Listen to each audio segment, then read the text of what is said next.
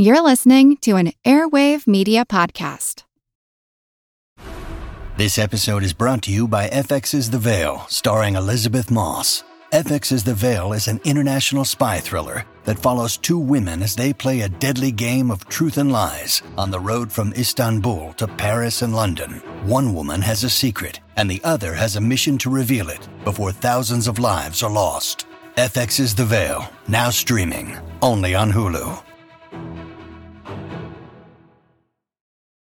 For the ones who work hard to ensure their crew can always go the extra mile, and the ones who get in early so everyone can go home on time, there's Grainger, offering professional grade supplies backed by product experts so you can quickly and easily find what you need. Plus, you can count on access to a committed team ready to go the extra mile for you. Call, clickgranger.com, or just stop by. Grainger, for the ones who get it done.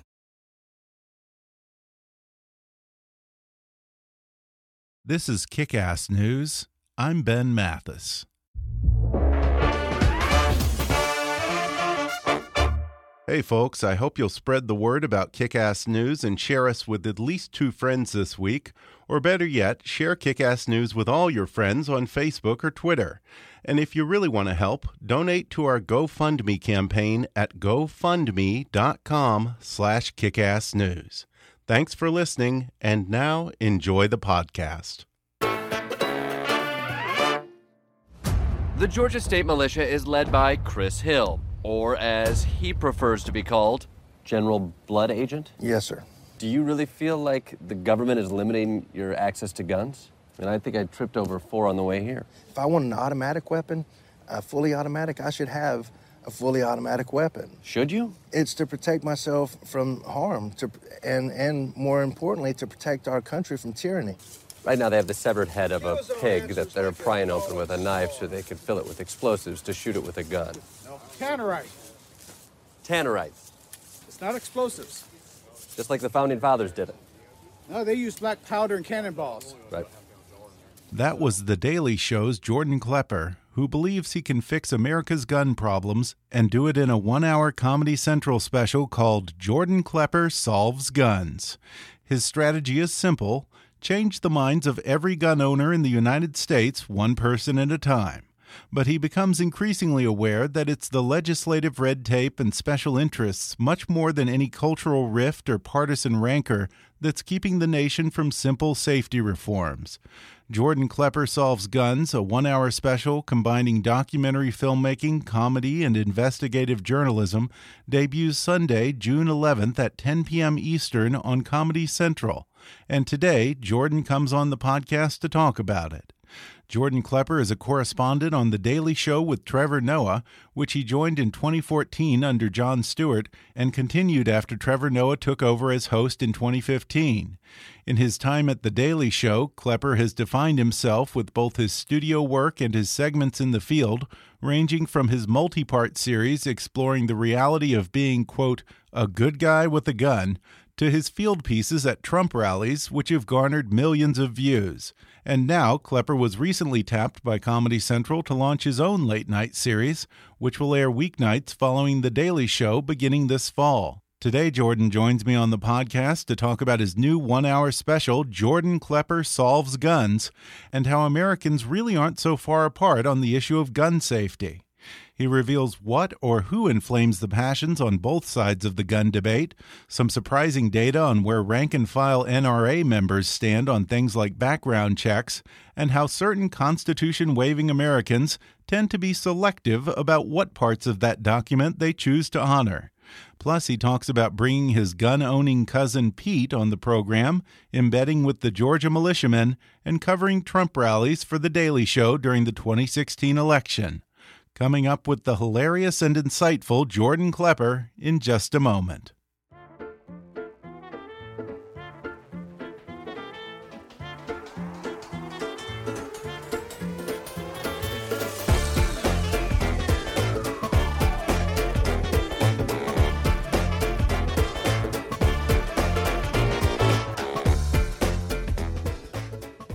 A, B, C, D, E, F, G, H. I've got a guy from Kalamazoo, and wouldn't you know that he's on my show? He's Jordan Klepper of Comedy Central's The Daily Show. Jordan, thanks for joining me. Thank you for serenading me. That's a that's a bold start. I, I appreciate it. I have completely exhausted all of my references for Kalamazoo, Michigan now. Uh, now, Derek Jeter's from there. Maybe you can make a Oh, okay. Yankees reference later Okay. on. I was going to say, once people pull out the obscure 1940s Tex Beneke song out of their pocket, do they have anything to follow that up with? That's what is the usually second it. reference It's it's to Kalamazoo? They usually just reference back to that. oh, okay. And, and a lot of people don't even know that song, which is a shame. Yes. It's a great little ditty. It It's really fun to dance to. If you've never seen the movie that that's from, there's Oh, an know that. unbelievable dance sequence uh, that goes along with it that you will watch and you it will kind of blow your mind how talented the dancers were back then. Not no slight against any dancers of today, but the dancers Yeah. of yesteryear. When a Kalamazoo tune comes on, uh, they go to town. Now, does this movie take place in Kalamazoo? The special that I'm working on. Oh no! oh, the movie. you- oh, oh, the obscure I, am going Miller right to promo. I'm going right to promo right here. Uh, Shameless. Can I? Can, Shameless. Uh, Jordan Klepper solves guns. Uh, June 11th. This movie, I've actually never seen the entirety of the movie. It takes Okay. place in a giant ballroom, so I'm guessing it does not take place in Kalamazoo, unless it was a, a celery field or an outdoor Yeah. mall. It's probably not Kalamazoo, Michigan. Now, I have no idea. Is Kalamazoo a big town, or it sounds like it's like a little country town? Just the name almost sounds like something off Bugs Bunny or something. So I have no idea what to expect. It feels almost like? mystical. It's in fact the city's motto. It's on all the T-shirts. Are yes, there really is a Kalamazoo. So it's already defensive that you're questioning where the town. It's like we get it. It sounds fake and made up, but it's about I think it's about eighty thousand Okay. folks. So it's Okay. it's a decent sized Okay. town, Yeah. smack dab between Chicago and Detroit. Okay. And I, I read somewhere that you double majored in math and theater at Kalamazoo College. How's the math degree serving you? Let me Pretty tell well? you. uh, you know what? I'd like to say that I use it, it, it sharpened the logic part of my brain. Although that Okay. is definitely me retrofitting spending four years focusing on math. Yeah. What what does anyone need a logic part of their brain for anymore? And I think- it I- seems almost antiquated. I think that I think that has gone. You know, n- now all we need is the gut. It's just like if you could just heighten emotion and feeling uh, righteous indignation. That's I think what they should Yeah. be teaching college students. now, you were both an alum of the famous improv groups Second City and Upright Citizens Brigade (UCB). Um, did you find that there was a different vibe or style between the Chicago improv and the New York improv? For sure, I kind of I came up in Chicago where I did stuff at Second City and uh, the Improv Olympic, um, which was sort of my home there. Chicago prides itself in much more of the improv as an art form and the character based improv, and it's been doing it longer than say the New York scene has. And you get to uh, New York.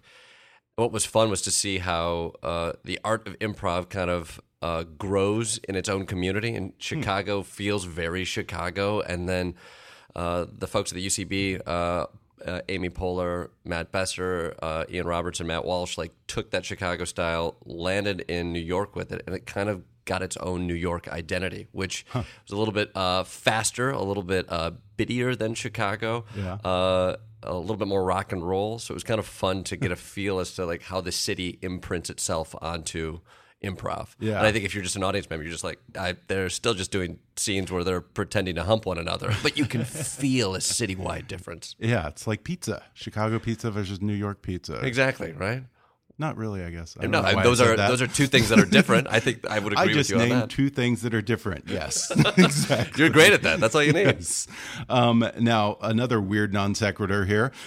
this is just my own personal random curiosity, but I saw on your Wikipedia page that you have this great photo of you and your wife with a copy of Groucho and Me. Was there some significance to that? Are you a Marx Brothers fan, or was it just That I, Background. I I am a Marx Brothers fan. We did a show in Chicago years and years ago called Comedy Covers, where you would take uh, you would have a, a a comedian in town, a performer, and take some uh, piece of comedic history, some sort of uh, performance piece, and you would cover it like you would a karaoke song. And so You take an old Marx Brothers piece or an Abbott Costello or a Nichols Yeah. and May um, sketch, and you try to update it. You pay homage basically, basically to it. So it was sort of a it was a show that we kind of fell in love with as a way to see what people were inspired by and kind of introduce them to old uh, comedy from Yeah. yesteryear, and also cool. see what it felt like through the modern modern lens, and also an opportunity to take a, a snazzy photo. Yeah, what was the Marx Brothers scene you did? I ended up doing a. My wife and I did. We did a few scenes. We did Nichols and May is what we Oh, ended okay. up doing. Oh, So awesome. it was sort of an homage to the Marx Brothers, but we found. Uh, we took an old Nichols and May's sketch about, as a lot of theirs were, were about relationships at that time period. I can't remember which one it was, and then we we took kind of the initial beginning parts of the sketch and redid it in like twenty. I- That might have been 2010 when Yeah. when things were going on with sort of the anxieties of the day. Yeah. Uh, I'm sure we paled in comparison to the the wit of Nichols and May, but uh, it was it was it was a great show. Yeah, well, that's cool that you respect the people who came before you. I think always- comedy wise. I, I I love kind of looking back, and I think that was part of Chicago. You get there and you sort of fall in love with the history of the improv and the sketch world. Mm-hmm. Uh, and you start to study that and see where these comedians came from, what they were interested in. And part of that with improv and with sketch is specifically improv. It's a pretty new art form. You could still meet and Yeah. talk to a lot of the people who were there at the forefront. And so if you like to nerd out like I do, it's it's uh, fascinating. Yeah, because I've had some of those guys like David Steinberg who were kind of there at the very beginning of improv in Chicago and so forth. Mm-hmm. Yeah, Yeah. They're still there. They're still opinionated about it, Yeah. and like it, it's also been an art form that has sort of evolved in a way, and you can watch how those opinions evolved over these last 50, 60 years. Well, you joined The Daily Show as a field reporter in 2014. And one thing that I always enjoyed about you is that you're never too locked into a character, that you can't play both sides of an issue or come at someone from an alt right or a liberal perspective, depending on where the conversation goes or what's funnier in the moment. Do you consciously have to walk that tightrope so you can leave yourself enough room to be nimble in an interview? You're giving my acting chops way too Yeah? much credit. I think you might have just Okay. that might have been the, the the nicest way to say like you are so bad at keeping character. It seems like you just flip flop. no, I think part of the role of a correspondent is to have conviction in Mm-hmm. uh, your own perspective, but you might not have validity in your uh, uh, ideology. Yeah. And so I think when we approach pieces, we, we do come in with a pretty clear point of view of what we think we want to say with the piece, um, with somebody who is an unreliable narrator. And so I think it does tend to uh, help when you can kind of heighten the point of view that you do find perhaps somewhat ridiculous in that situation. And I think, think, you know, not necessarily being tied into an ideology gives you a little bit more leeway to also poke poke some fun uh, and poke some holes in both sides. So you try to keep that open. Um, you know, the the, the dummy's not smart enough to pick an ideology. when you watch the finished product, do you ever feel slightly guilty, or do you feel that you give them the room to dig their own hole? You know, I gave up my soul a good three years ago when I took the job at the Daily Show. I mean, we always, I feel, you know, we, we go in with a very clear point of view, and and if if people dig their own graves, Yeah, I'm, you know, I'm not going to hand them the shovel, but I might, uh, I might gesture over to the corner where the shovel is. Uh, if they want to to dig it, go for it, enjoy it. It's nice and cold down there. Um, maybe lie on out. Um, but I think that the goal for us is to let's let's see how these people want to address any of these issues and and give them space to do it. Well, the, some of the best stuff was during the election. You did a number of field pieces at these Trump rallies trying to understand the elusive Trump voter. In one of those, you pretty much just gave them the mic and let them dig their own grave, like you said. You let them spout off conspiracy theories like Hillary has AIDS. She got it from Bill Clinton. Bill Clinton got it from Magic Johnson. Or Obama was part of 9 11 somehow.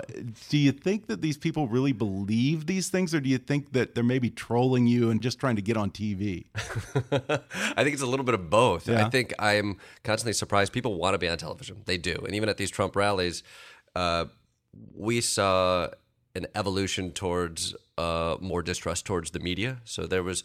It got a little bit contentious uh, as the campaign went along, but still, people really wanted to be in front of a camera and be heard. Uh, and people want to believe in a lot of these things. I saw people who really bought into I'm I'm pro Trump, I love Trump, and all I need is evidence to support that. Mm-hmm. And so if I'm if I'm grabbing at straws, as long as those straws can be built a little protective weapon for me to to sling at somebody else, I will I will use them. Um, the big thing that we noticed, me and the producers who would go out, is like you would hear them uh, at the beginning, the first few Trump rallies we went to, they were there, but they were sort of like background noise. Mm-hmm. Like yeah, maybe they were kind of being okay. whispered about, but nobody would say them to my face. The By the end, they were they were they were brought out, and people were eager to talk about them. They wanted to fill all of the space with those conspiracies. So it didn't take much to get. Uh, that kind of information out. People wanted to talk about it. They wanted to talk about Barack Obama and 9/11 um, because those are those are two ideas they've heard. So why not just put them together and create a conspiracy? Bam, done. New president. Yeah. You know, there's such an assault on the media and on the free press under Trump right now. It seems to me that the type of comedy that The Daily Show and you are doing, it's a better way to approach these issues from a sideways angle than to just head on try and defend yourself against this massive mongrel horde that's after all journalists. well, I mean, I think I think the journalists are, who are doing Yaomin's work and mm. and busting their ass. I feel like you know, kudos and please stay strong. I do think a benefit of a show like The Daily Show or satirical uh, work is that you we're upfront about the bias that we approach it with. You know mm-hmm. that you're watching a comedy show that's coming at a news story with an angle, and so it's for you to parse apart some of those issues. Um, so perhaps that's a that's a benefit in this day yeah. and age. I don't claim to be uh, a journalist. I don't claim to be the person who's giving you the news, but hopefully yeah. you understand that I'm I'm coming at it from an angle, yeah. and from that you can do a little bit of the work as to what you want to get from it. Well, is it almost a little bit unfair for us to expect journalists and the media to be completely 100% unbiased? Uh, I, I think you're right. I think I mean I think what we need to be open about is where those biases are. It'd be mm. it'd be you know I've done some pieces on the Daily Show that were trying to deal with like police bias and actually, what was really vivid and interesting, it was like the progressive police departments that were able to talk about it from the point of view of like, let's just accept that we have bias. Let's stop fighting about the idea that like bias exists. Right. And once you accept like, oh, we have bias, that doesn't make you a bad person. Bias doesn't mean you're a racist. Like once we make that connection, now, these police departments won't discuss the idea of bias because it's we're accusatory. We're we're labeling one another. Once we can accept that we have bias, these police departments are like, all right, now how do we deal with the fact that my instinct is to do that? Like it'd be nice to have that kind of an open conversation with the press, but I do think right now we love to go from zero to hundred just like mm-hmm. that. And so it goes to hyperbole, and the news doesn't become biased; it becomes fake, and mm-hmm. it becomes lies. And I think uh, sadly, I don't know if our culture is nimble enough to have that conversation right now. Yeah, and speaking of free press, and this kind of goes into this special that you have on Comedy Central. Um, have you been surprised during your work in the field at the degree to which Tea Partiers who carry around a copy of the Constitution in their pocket and rail about the Second Amendment got behind Donald Trump, and by virtue of their support for the candidate, seem to suddenly be way, way, way, way, way more flexible on freedom of religion, the 14th Amendment, birthright citizenship, freedom of the press, even freedom of speech. Mm -hmm. Yeah, I think uh, especially religion was one that I was kind of like, oh, wow, all these evangelicals are going to jump on the Trump train. I think it exposed to me just how powerful tribalism is. It's. Mm -hmm it's like oh it's oh this is football you know it's oh you get your team and then you might be a huge Florida State fan, and then oh shit, uh, there's some terrible allegations came up about what some of your players did. Well, you you'll look the other way because the team is more important yeah. than the allegations or what have you. And it's like oh, you know, all of these things that we stood behind or evangelicals would stand behind or some of these groups would. It was like, oh no, it's just more about your guy winning. I think yeah. that was that was that was something that definitely depressed me over this entire election cycle. Was we cared much less about you know these issues that we would stand behind and more so about our guy winning. Mm -hmm. We're going to take a quick break, and then I'll be back with more with The Daily Show's Jordan Klepper when we come back in just a moment.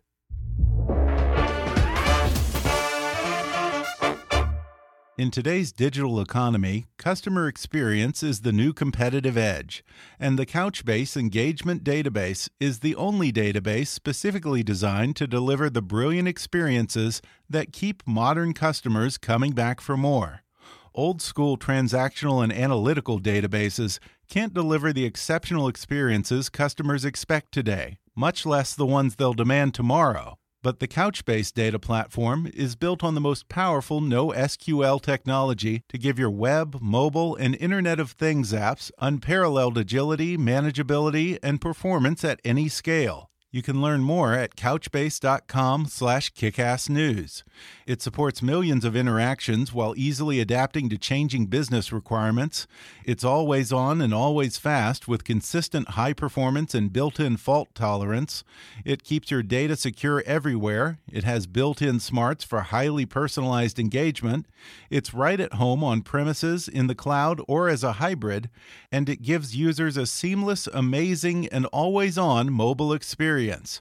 Ready to revolutionize your customer experience? Learn more at couchbase.com slash kickassnews. That's couchbase.com slash kickassnews. And now, back to the podcast.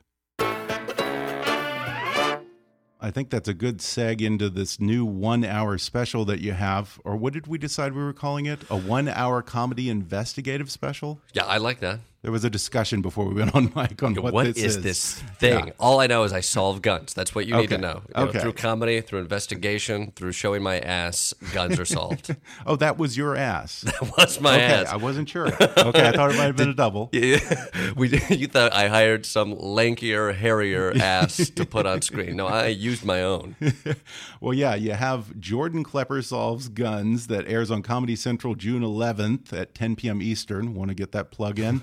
Thank you. I love the title Jordan Klepper Solves Guns because it kind of pokes at the Trumpish political rhetoric of overpromising and offering easy solutions like we're going to build a wall and make Mexico pay for it. That's yeah. I mean, hundred percent. I think what we talked about with that, and also talked about uh, playing these characters who have a pretty clear blind spot. I think this was a chance with the with the Daily Show. I've gotten a chance to do a bunch of pieces on the gun debate, and Right. and that is something that what I, I walked away from every piece.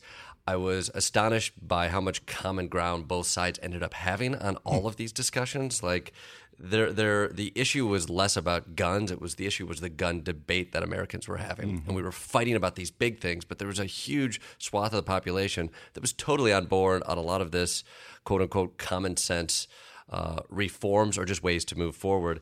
And so, you know, getting a chance to do a special, I thought this was this was a, a, a such a fertile ground and debate to kind of dive right into. Um, and and why not do it with a totally hyperbolic idea of like, well, let's just solve it because that's what Americans want. We want to fix things. Solve what with guns? I well, uh, I, yeah, I uh, guns, just guns. That's what what we're solving. Which I think like pokes a little bit of fun, hopefully, at the left for. Uh, Thinking there's a cure all and what have you, but it's also a little bit of the point of view of the right who thinks that the left just want to get rid of your guns. And so I get to I get to jump into this uh, special from the point of view of somebody who just is trying to get rid of everybody's guns. I'm trying to solve it, and and I, I got to tell you, it's a little bit bumpy. If you, if you watch the special, really? it's I'm not as easy as you'd think.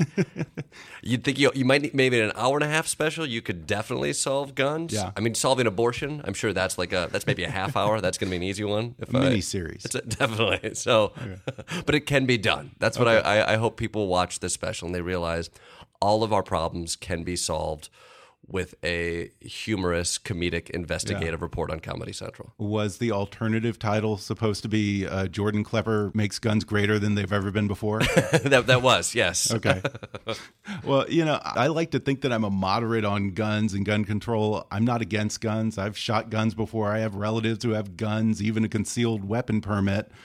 But I think, you know, it's not like most people go around carrying a gun everywhere they go because they have to hunt for food or they have to defend themselves against stagecoach robbers or something. Yet I see people get way more worked up over the Second Amendment than they do over things like healthcare or financial issues that have way more immediate relevance to them and their families' lives. It's like people getting frothed up about steam locomotives or something. Why is this, of all things, such a passionate issue still for Americans? I think because nobody is talking about guns. They're talking about rights. They're talking about America. Mm-hmm. Right. They're talking about patriotism. They're talking about family. Like when we do talk about guns, we all agree The about symbolism guns. of it. Yeah, it's a it's a symbol, and so it's really hard to take that symbol away. And so you look at a group like the NRA, and they're going to wield that symbol, and it's going to be about America's trying to take away your rights. That, that is a hard thing to swallow. If you really buy into that, like you don't want your rights gone. Like, and they're trying to take away that that connection you had with your family. Your grandfather used to shoot guns with you. Uh, America's coming for that, and they they don't want that. The liberals want to take that away from you, and so that is something I get it. I get why people get emotional, uh, but that's also not what's happening. like the debate is being had by uh, the wrong people, and I think you described like yeah, kind of a moderate on guns. I think most of America we're moderates on guns. We we we believe the same things. Like there's going to be a little bit of discussion on both ends of it, but most people on the left are not out, not out to to take away people's guns. Are not anti the Second Amendment. They're anti a bunch of people dying from guns, which people on the right are also anti a bunch of people dying from guns. Uh, but we're talking about flags and eagles, and and suddenly you're not talking about how to save people's lives. Yeah, and it is a big wedge that comes between personal friends and family, ruins Thanksgiving dinners. You even delve into these treacherous waters yourself a little bit by bringing on your, I think it was your cousin Pete. Cousin Pete. Cousin Pete, who happens to be a proud gun owner. Tell us a little about Pete and how, where he stands on this issue. Well, I think we we were in dealing with this special. One of the big questions we have, which is a question a lot of people are dealing with right now, is like, can Americans' minds be changed? Can a liberal uh, go conservative and vice versa? Like, uh, what does it take to change somebody's mind in America? It feels nearly impossible. Yeah. And so we're like, guns, we're going to come in, uh, pun intended, guns blazing on this. uh, but if we're going to solve guns, we're going to have to change some people's minds. Is that even doable? And I went right to my family. I went right to my Facebook feed, and we all have people in our Facebook feed who believe the opposite of what we believe ideologically. Uh, if you're conservative, they're going to be posting those liberal things, and vice versa. Um, and I have a cousin, Pete, who I love to death. He's my uh, my cousin. Known him since I was a little kid. He used to babysit me. Uh, and Pete was a Trump voter. He would post things about Trump. He'd post pictures of him hunting, and he was an outlier in the bubble that I live in in New York City. And so in in dealing with this gun issue, it was like I, I want to talk to Pete and see what that would mean. What can I get him to switch his point of view on guns? I'm going to approach it somewhat comedically, but I'm going to earnestly go to Pete. I'm going to actually listen to him for the first time and try to understand why he has three guns in his house mm-hmm. and why and is it possible for me to get him to get rid of those guns? What's it going to take? And so part of that journey is talking to other people, talking to professionals, and we kind of have fun. I hire a lobbyist to try to change Pete's mind. um, uh, but in the reality of it all, it's like Pete and I are not that far apart. Right. We we are Right. cousins. We we uh, might have voted for different people in the past election. Uh, he might have guns, I might not. But Mm-hmm. but what we believe about when it comes to guns are remarkably similar. And I think like breaking outside of those echo chambers was sort of the uh, ultimate goal Mm-hmm. of of that part of the special. Um, is part of the problem that some gun owners hear that government wants to say do background checks or have some form of gun control or regulation, and somehow their reptilian brain immediately hears that as the government's coming to take away my guns. I- I think that narrative has been put out into the ether. I think the NRA is great at pushing that. I went to the NRA convention. You watch some of these speeches, and uh, there are other people speaking for the gun owners right now. And I do think that is suddenly you hear, oh, uh, gun regulations means I'm going to lose my gun. Hillary Clinton is going to come for my gun. Like this, this was uh, this was what this is what was talked about during the election when Donald Trump would talk about what Hillary Clinton's going to do with guns. That's the way they talked about it. She's going to take guns away from you. Obama's going to take guns away from you. I'm guessing not a lot of people had guns taken away from them during the Obama administrations. In fact, uh, a lot of gun like legislation uh, got looser during the Obama administration. Right. And I think But gun sales also went up during the They- Obama exactly. How do you figure that? people get afraid that I mean again, and you, you look at who's paying for what lobbying group, and guess what? Gun manufacturers make a lot of money based on fear, and so if you can turn a narrative from uh, oh, there's there might be some uh, common sense gun regulations coming to your state. If you can change that narrative to they're coming for your guns, business is then booming for Smith and Wesson. Yeah, and you point out that only 5% of the gun owners in America actually belong to the NRA. So, why does the gun lobby have such an outsized influence on our politics? Yeah, they're organized. They're passionate, uh, and they're local. Mm-hmm. I think that's uh, they're incredibly uh, effective because of the way in which they influence local elections. I think the uh, left isn't doesn't have uh, as effective ground game or think as much about those local elections, but they really do make a difference. Uh, they have a lot of money, and I think that money can affect local elections in ways that uh, have statewide uh, uh, ramifications. Um, and they are incredibly passionate. I went to the NRA convention uh, a few weeks ago, and it is it's an identity. They're great at building an identity. People are driving down to Atlanta from Minnesota because not just because they're members of a lobbying group, but because they're members of an identity. They they go and they get um, hats and T-shirts and things that are all about this patriot, this, this thing that they say is a patriotic identity. They see it as family. They see it as connection to their family. And I don't want to slight that. I see how important uh, and powerful that can be. But when you turn that into a lobbying force, uh, it's so much more effective uh, than it needs to be based on how actually big it is. Yeah, I mean, I don't want to get too bogged down in statistics here, Bog but it. you even point out that 74% of NRA members support background checks. Most of the guys you talk to were okay with background checks, mandatory waiting periods. So if the NRA's government policy isn't something that's voted on or run by the rank and file members or reflects their positions, then who is creating the policy at NRA? Is it the manufacturers? You know, you Pretty said much? it, not me. Okay. So if if if, If if, not, if the internet's going to turn on somebody, uh, yeah, they get a lot of money from the manufacturers, and and the manufacturers definitely uh, benefit when Mm-hmm. um, regulations are lessened. uh, A hundred percent. I think, like again, fear is such a powerful tactic, and it's Mm-hmm. it's wielded by that lobbying group in a way that that is is is incredibly effective. Mm-hmm. Um, it just I, honestly, this special came out of such a frustration because all of those we we aren't as divided as as we, we see on television every single day. And there are so many moderates. And gun control is such an interesting issue because yes, 74% of NRA members want these background checks. You think mm-hmm. background checks is such a, a volatile position to have? Like, are we for or against it? No. If, if you have a gun, I'm talking to gun owners. I went to Michigan, I went all over the place. I went to North Carolina, Georgia. It's like if you have a gun and you were responsible with a gun, you should totally have that gun. That's your right. That's your American right. That's part of the culture that we live in. And guess what? You probably want you want other people who have guns to be responsible with those. One for safety, also so they don't sully the idea of people having guns are Right. dangerous. Like that is something we can all get behind. Uh, I think like research for um, gun safety and how can we be effective uh, to like protect children to um, uh, to make sure they get, don't get in the hands of people who shouldn't have guns. That's something that's not left or right issue, but it's become partisan.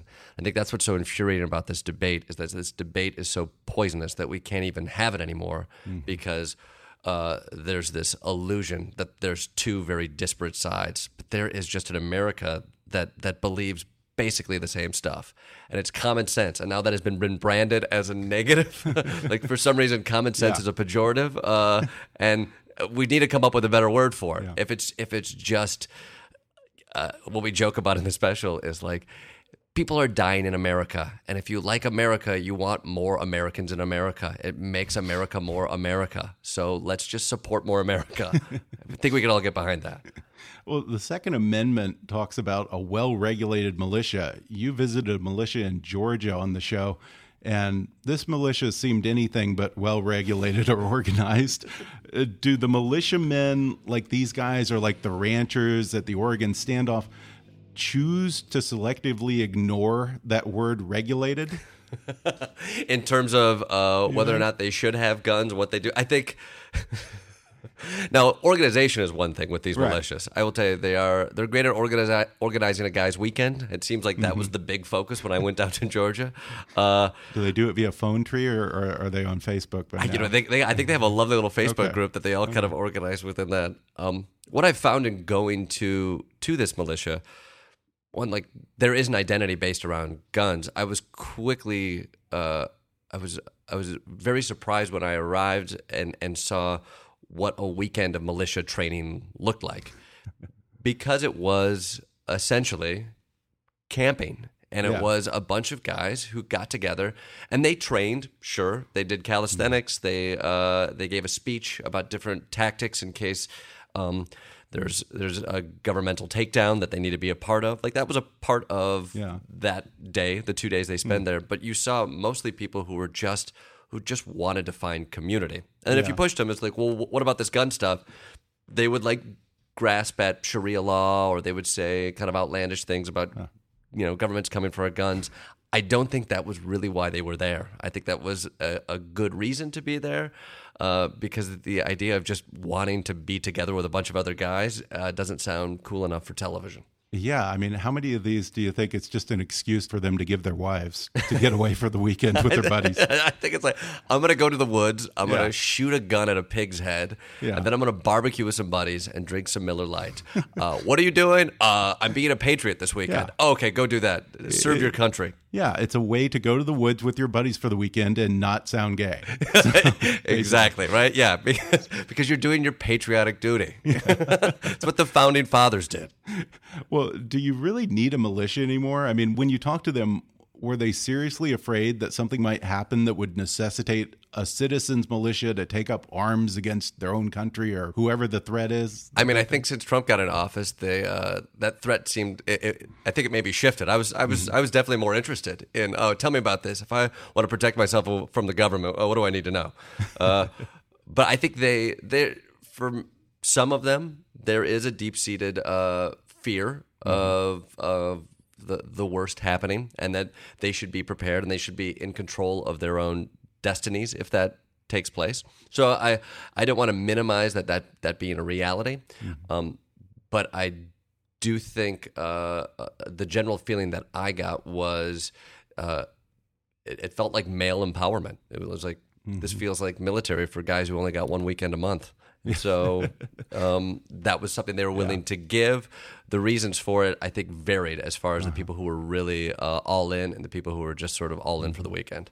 I think the thing that I found most surprising for me is that apparently the ATF does not have any kind of searchable database on guns because I guess supposedly this sort of thing is against the law. In fact, you even say they have to dumb down data. Is this considered to be a right to privacy thing or what's behind that? It's this slippery slope argument. um, They, uh, it's it's it's right to. It's there's a giant fear uh, uh, that created by the NRA that you know there will be this database and they will come for your guns, and so we can have uh, there can be no paper trail as to anybody who buys a gun and what has you. But there is a paper trail uh, when you buy a gun. There are legal steps. There are things one. you have to to fill out. Um, what this is technically talking about is the ATF's tracing center, where if you if a gun is used in a crime and they have to trace that gun to try to catch the person who has used it before they commit a crime again, or they try to close a case where a murder or something terrible has taken place, they need to figure out where that gun was purchased, um, and that is what that is what police police officers do and have been doing. Uh, and when they reach out to different places where, where they were they able to trace where that gun was bought, what we do find is when gun stores have closed down, then there is a database that takes in all of these gun records. But the NRA has fought tooth and nail to just make it damn near impossible for us to get our hands on the, these records. And so there's just there's there's an unbelievable amount of bureaucracy that is put between us doing a job that I think all Americans want to be done. Is when a gun is used in a crime, should we be able to figure out where that gun was used? Should we be able to do that as quickly as we can? Because it is happening, but it's happening so much slower than it can. So it's I don't think anybody's even making the argument that it shouldn't happen. We're just we're just in love with the bureaucracy. Mm-hmm. And I think we talk about this in the special and I get to go to the tracing center and it's just this perfect example of of how we're making it so hard on ourselves. It's like, come on, America. why, why are we shooting ourselves in the foot? For God's sakes, you can have the gun. Just point it away from your foot. Yeah, I think you say that libraries are actually better at tracking stuff than we are at tracking guns. Yeah, we it's it's easier to sit down. Uh, you got the Dewey Decimal System there at a library now, yeah. but good luck tracing a, a gun if you're an ATF agent. Well, before we wrap up, uh, this fall you're going to be taking over the 11:30 slot after the Daily Show. Uh, can you tell us anything about the new show yet? Uh, uh, it's under wraps right now. I can tell you it's going to take place uh, this fall, uh, hopefully before the fall of Western democracy, which I think is going to take place in June. So this is going to take place just after that. Okay. Um, and we're focusing on the gun special right now. And then, uh, yeah, I couldn't be more excited to, to get a platform to to talk about this uh, this crazy world we're in right now. Uh, I'm going to come out guns blazing. Hey, the fall of Western democracy makes a hell of a lead in. so, once again, Jordan Klepper's one hour special, Jordan Klepper Solves Guns, airs June 11th at 10 p.m. Eastern on Comedy Central. And look for his new late night show in the fall, also on Comedy Central. Jordan, thanks for joining me. Ben, thanks for having me. Well, I hope you enjoyed the show. A reminder the Couchbase Engagement Database is the only database specifically designed to deliver brilliant customer experiences across all your web, mobile, and IoT apps. You get unparalleled agility, manageability, and performance at any scale, and your customers get continuously richer experiences. Learn more at couchbase.com/kickassnews. Thanks again to Jordan Klepper for joining me on the podcast. His one hour special, Jordan Klepper Solves Guns, airs Sunday, June 11th at 10 p.m. Eastern on Comedy Central. For more information, go to comedycentral.com and follow Jordan on Twitter at, at Jordan Klepper. Be sure to subscribe to Kickass News on iTunes and leave us a review while you're there. Don't forget to take our listener survey. It only takes five minutes at podsurvey.com slash kick. You can visit Kickass News on Facebook and follow us on Twitter at, at KickassNewsPod. And be sure to recommend Kickass News to your friends on your social media. And if you really want to help out, then donate to our GoFundMe campaign at gofundme.com slash kickassnews or click on the donate button at kickassnews.com. As always, I welcome your comments, questions, and suggestions at comments at kickassnews.com. For now, though, I'm Ben Mathis, and thanks for listening to Kickass News.